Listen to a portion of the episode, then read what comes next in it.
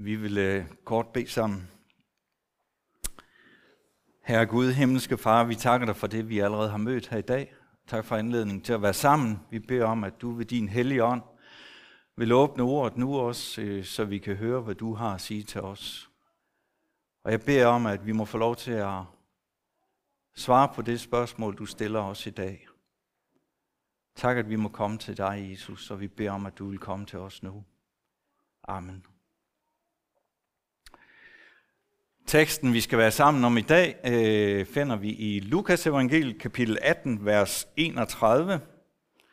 Og det er sådan set øh, to øh, forskellige begivenheder, kan man sige. Øh, den første, det er sådan en forudsætning for det næste, kan man sige.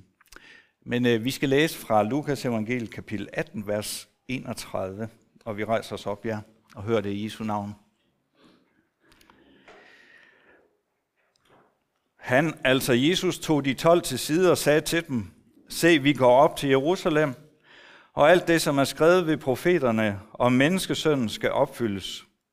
Han skal overgives til hedningerne, og de skal håne ham, mishandle ham og spytte på ham. De skal piske ham og slå ham ihjel, og på den tredje dag skal han opstå. Men de fattede ikke noget af dette. Det var skjulte ord for dem, og de forstod ikke det, som blev sagt. Da Jesus nærmede sig Jericho, sad der en blind mand ved vejen og tikkede. Han hørte, at en skare kom forbi og spurgte, hvad der var på færre. De fortalte ham, det er Jesus fra Nazareth, som kommer forbi. Der råbte han, Jesus, Davids søn, forbarm dig over mig. De, som gik foran, troede ad ham, for at få ham til at tige stille, men han råbte bare endnu højere, Davids søn, forbarm dig over mig. Og Jesus stod stille og befalede, at manden skulle føres hen til ham. Da han var kommet derhen, spurgte Jesus ham, Hvad vil du have, at jeg skal gøre for dig? Han svarede, Herre, at jeg må kunne se. Og Jesus sagde til ham, Bliv seende, din tro har frelst dig. Straks kunne han se, og han fulgte ham og priste Gud. Og hele folket så det og lovpriste Gud. Amen.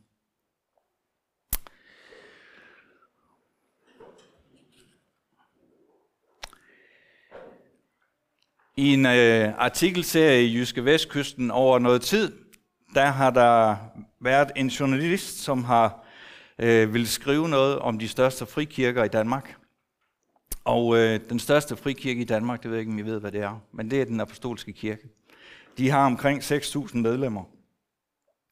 Og ikke overraskende, når man læser de her artikler, så er der fire spørgsmål, som går igen, som han gerne vil have svar på. Jeg vil næsten tro, at hvis jeg spørger jer, hvilke spørgsmål han stiller, så vil I kunne svare på det. Det er spørgsmålet om abort. Det er spørgsmålet om hvilelse af homofile. Det er spørgsmål om øh, øh, hvilelse af fraskilte, og så om kvindelige præster. Det er ligesom øh, rammen på de spørgsmål, han stiller. Og øh, det er jeg sådan set ikke overrasket over, at det blev spurgt om.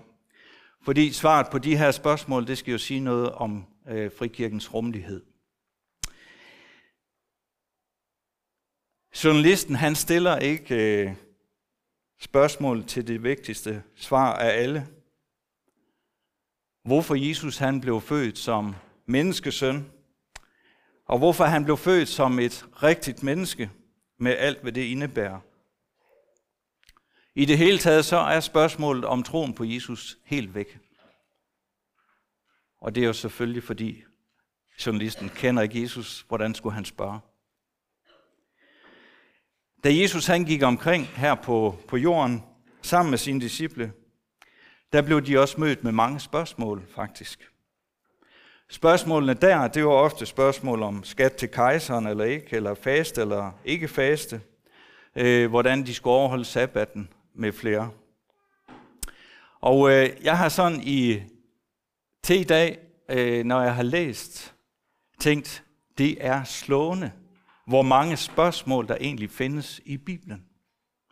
Hvis I, når I læser Bibelen, prøver at lægge mærke til, hvor mange spørgsmål der faktisk er i Bibelen.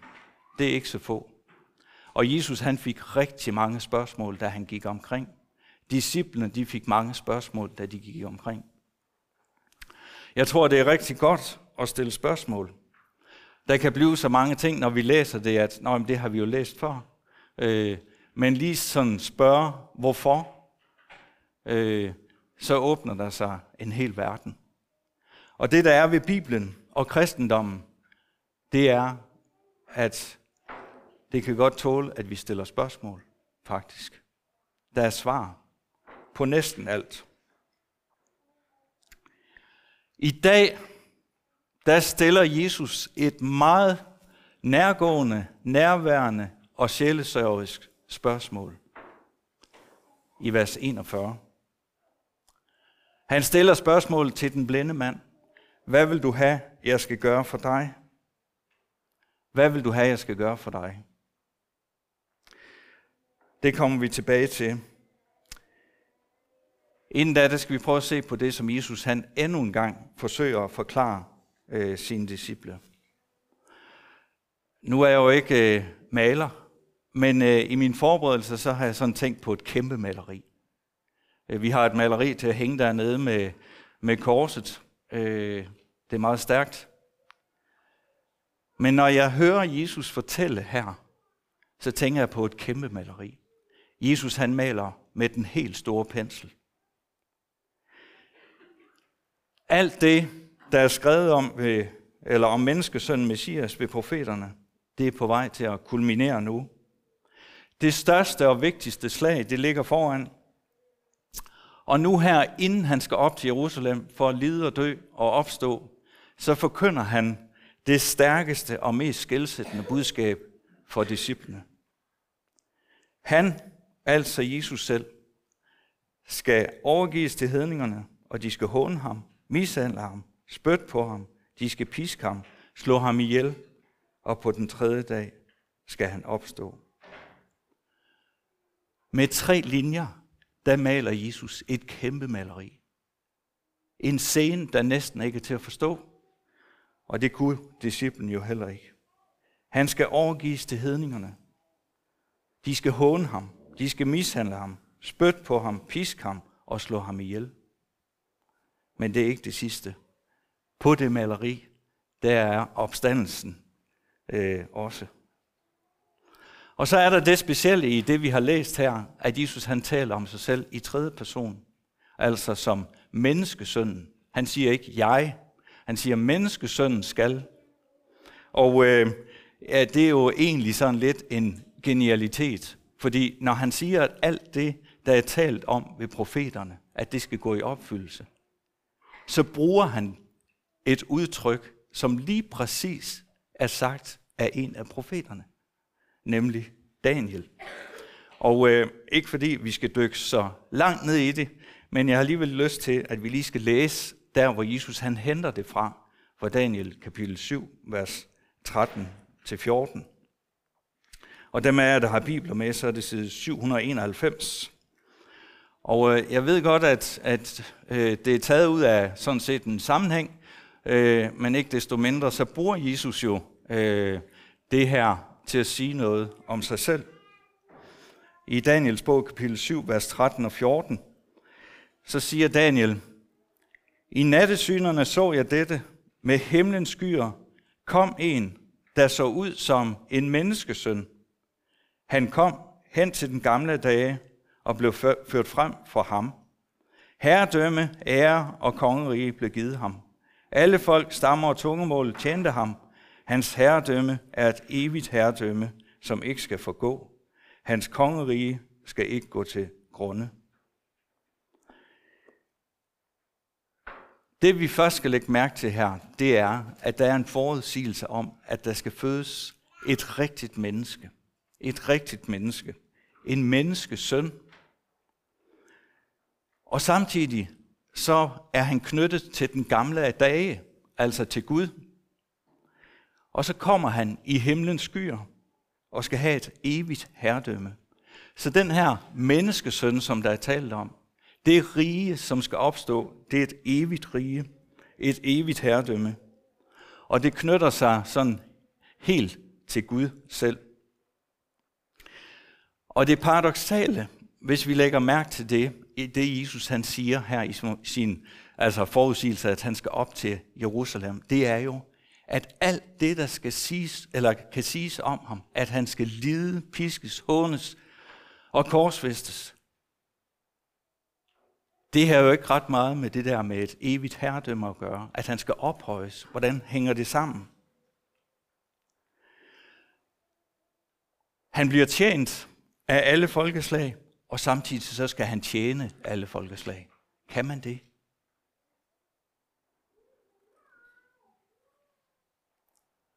Jeg forstår godt, disciplene, de var lidt rundt forvirret.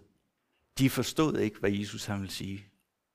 Man kan jo ikke både blive, have et evigt herredømme, blive ophøjet og æret og tilbedt af alle, og så blive bøjet ned, blive pisket, hånet og slået ihjel.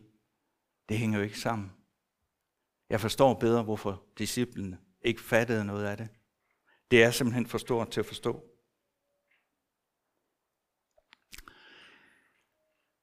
Jeg vil gerne, at øh, for, for at understrege det her, at vi skal prøve at kigge hen i Filipperbrevet kapitel 2. Og jeg ved godt, at det er et sted, øh, som ofte bliver læst, øh, men det siger bare rigtig godt noget om det her, som Jesus han understreger i dag. Øh, Filipperbrevet kapitel 2, vers 6-11. Øh, det taler om det, som Jesus han siger skal ske op i Jerusalem. Øh, om fornedrelsen, om ydmygelsen, Øh, der står der fra vers 6, Han som havde Guds skikkelse, regnede det ikke for et rov at være lige med Gud. Altså, han er Gud. Men gav afkald på det, tog en tjeners skikkelse på og blev mennesker lige. Han blev et rigtigt menneske. Han blev menneskesøn. Og da han var trådt frem som et menneske, der ydmygede han sig og blev lydig ind til døden, ja døden på et kors.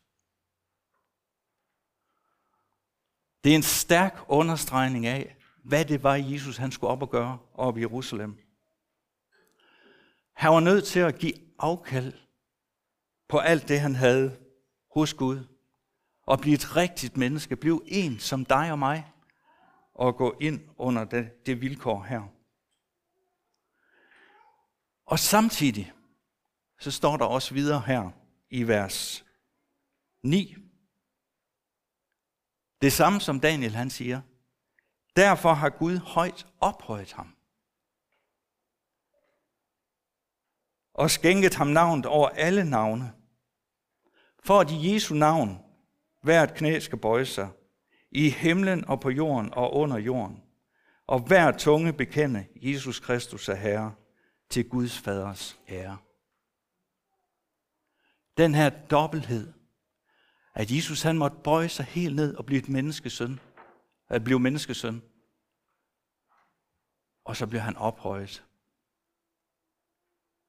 Det synes jeg er stærkt. Alle, uanset om man tror på Jesus en dag, eller, eller ej, skal ophøje ham en dag. Alle, uanset tilhørsforhold, uanset om man kommer i den ene eller anden kirke, eller man ikke kommer i nogen kirke, om man tror på Jesus eller ej, så skal alle bøje knæ for ham en dag. Alle.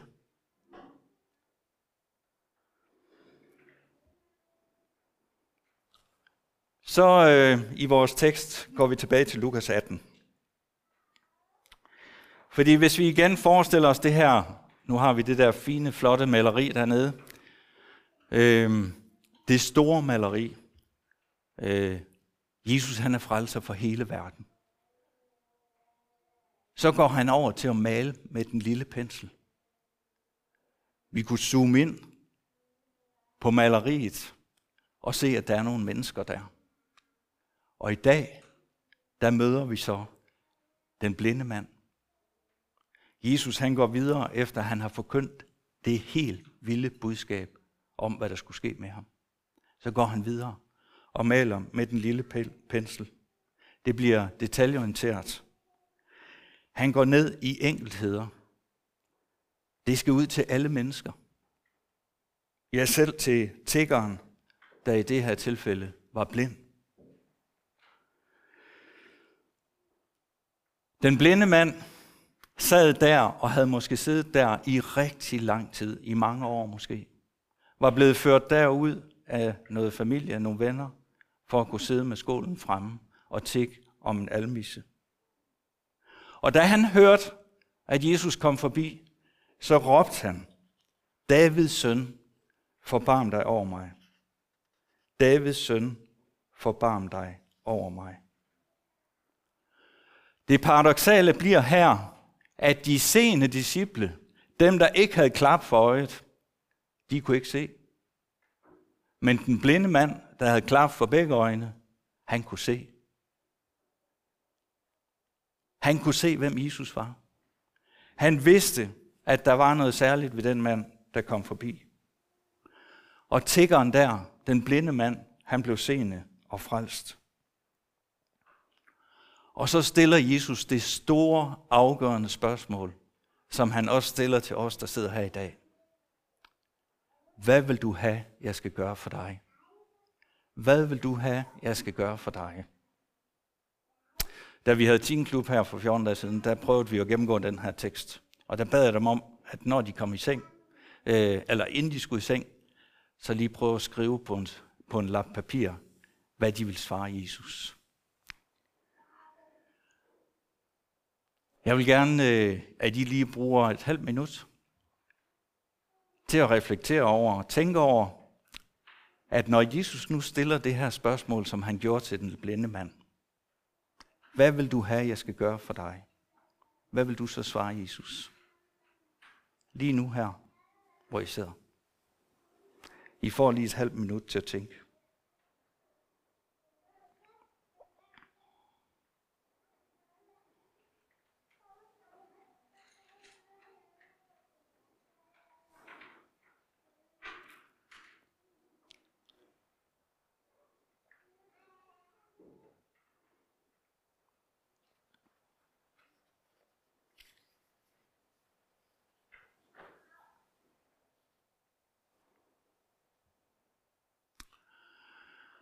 Da Jesus han spurgte den blinde mand, der kom svaret prompte.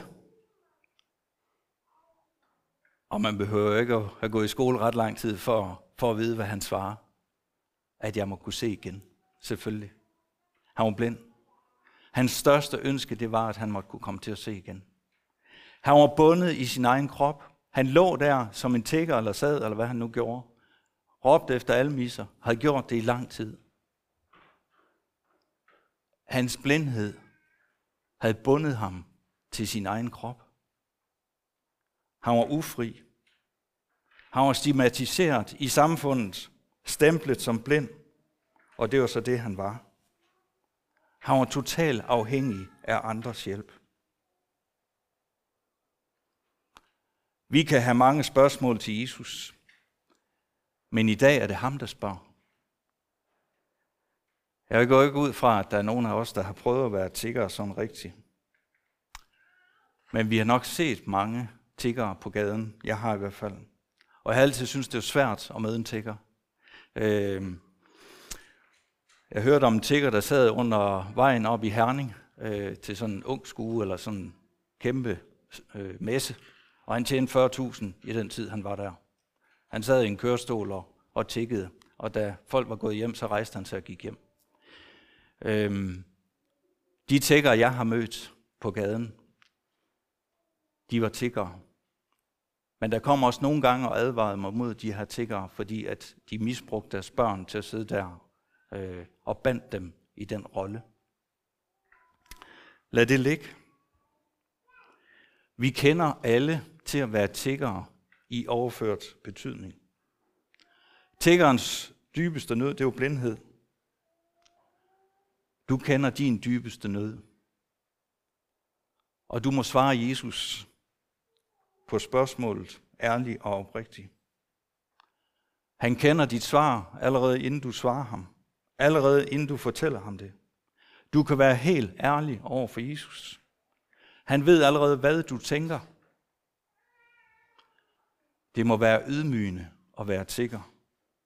En tigger rangerer lavest i samfundet, bliver ydmyget, set ned på og ringeagtet. I en forstand er vi alle tækkere i forhold til Jesus. Selvom jeg slet ikke bryder mig om det ord i forhold til Jesus. For Jesus er det med, at han er en tigger, slet ikke et tema. Det kan jeg i hvert fald ikke se. Temaet er, at han er blind og har brug for hjælp. Og Jesus standser op ved en mand, der har brug for hjælp. Han siger, hvad han har brug for, og får hjælp. Og her ligger nøglen til os, til at forstå, til at prøve at forstå, og tage imod alt det, som Jesus han kommer med. Jesus han standser op ved dig og hjælper. Vi må som den blinde råbe til Jesus om hjælp. Bekende hans store navn og råbe til ham i vores nød. Jesus kender vores nød. Han har selv været i nøden. Han kender den dybeste nød. Han kender synden i vores liv. Og lige præcis her omkring det med synden. Vi siger meget i vores sammenhæng, at synden er vores dybeste nød. Og det er det på sin vis også. Men jeg kan godt have det lidt ligesom med tiggeren. At det med at sige, at jeg er en synder, at det er synd, der er den dybeste nød, at det bliver noget floskelagtigt og teoretisk. Det betyder ikke, at, at jeg ikke ved, at jeg er en synder. Men øh, er det det, der er det vigtige i det her?